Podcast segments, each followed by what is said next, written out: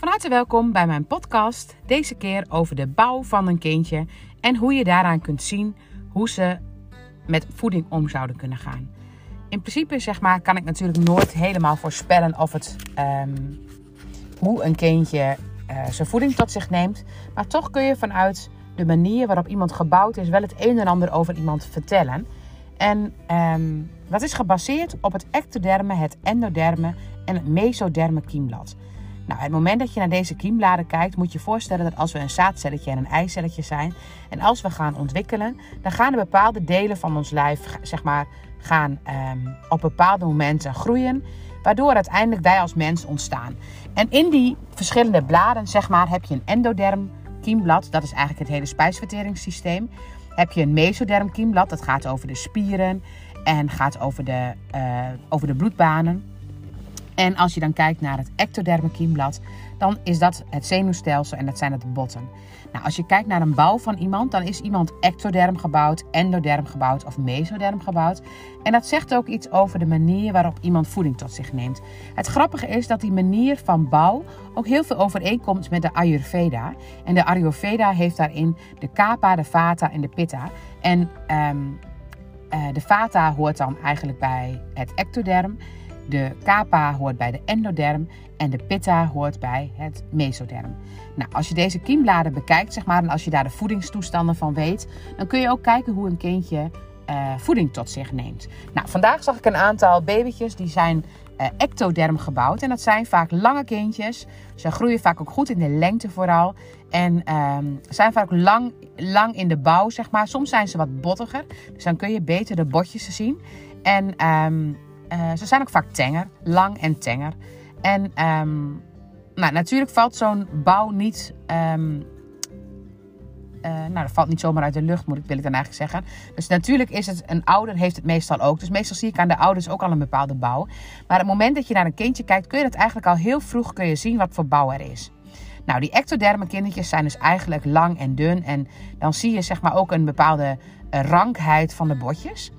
Uh, als je een mesoderm type bent, dat is dan zeg maar de middelste. Nou het is maar net hoe je de volgorde ziet, maar dat gaat over de spieren en de gewrichten. Dat zijn dus hele gespierde mensen vaak. Deze mensen zijn vaak heel fanatiek. Die zijn ook vaak met, met sporten, zeg maar, willen ze eigenlijk altijd winnen. Het zijn een beetje de haantjes. En um, als je dan kijkt naar het endoderme systeem, dan is dat het uh, systeem van mond tot kont noemen we dat, het spijsverteringssysteem. En dat zijn de kindertjes, zeg maar, die zijn wat molliger gebouwd, die zijn wat voller in hun hele doen en laten. De botjes zie je wat minder goed. Dus eigenlijk gaat het bij de ectodermen vooral over bottigheid en lang zijn. Bij mesoderm gaat het vooral over gespierd zijn. En bij het endoderm gaat het vooral over wat voller zijn. En, en wat ronder ook, vooral wat ronder in de vormen. Nou, als je naar deze drie bouwen kijkt, dan kunnen we natuurlijk niet zonder een spijsverteringssysteem. Dus ook iemand die ectoderm gebouwd is, heeft bepaalde hoeveelheden endoderm. Eigenlijk zou je kunnen denken van we verdelen alles in 33%, 33%, 33%. En als ik het dan over een ectoderm kindje heeft, dan heeft hij de hoofd, hoofdbouw in het endo, of, uh, ectoderme.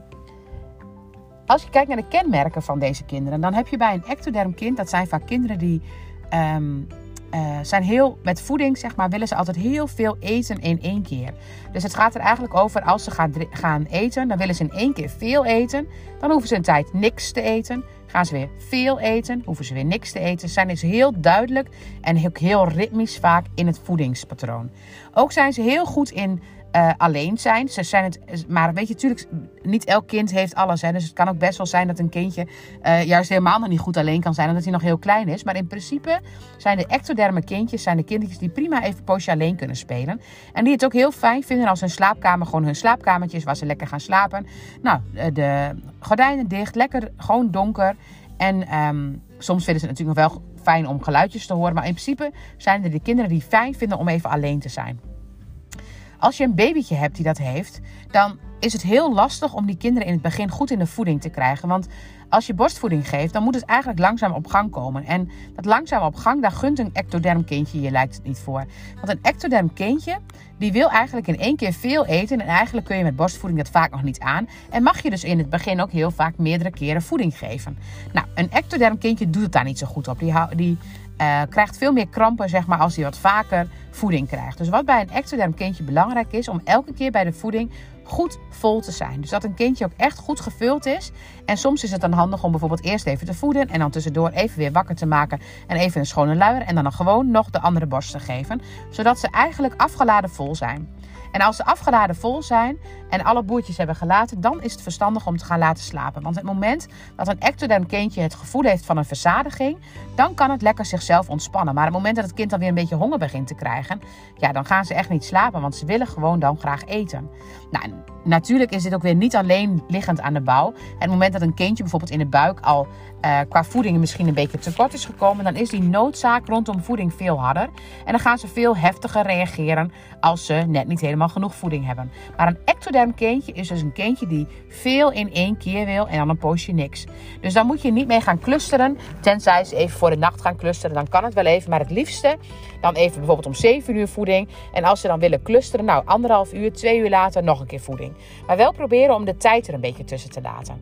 Nou, het moment dat je als moeder qua borstvoeding nog niet voldoende voeding hebt in het begin, dan probeer dan te zorgen dat je de tijd ertussen laat. Dus dat je niet om het uur gaat voeden omdat ze elke keer aan het vragen zijn. Het mooiste zou zijn dus om één goede voeding te geven, dan een poosje geen voeding, weer één goede voeding te geven, dan weer een poosje geen voeding. En op het moment dat je denkt van, nou, ik weet niet of die wel verzadigd genoeg is, geef ze dan steeds iets eerder. Dus als je al om de drie uur zit, ga dan even om de 2,5 zitten en ga dan 2,5 uur, 2,5 uur, zodat ze net iets eerder eten krijgen dan dat ze het zelf aangeven. En jij dus ook qua productie een beetje omhoog gaat. En als je dan qua productie omhoog gaat, ga je per voeding weer meer geven. En dat zorgt ervoor dat ze het weer langer kunnen volhouden.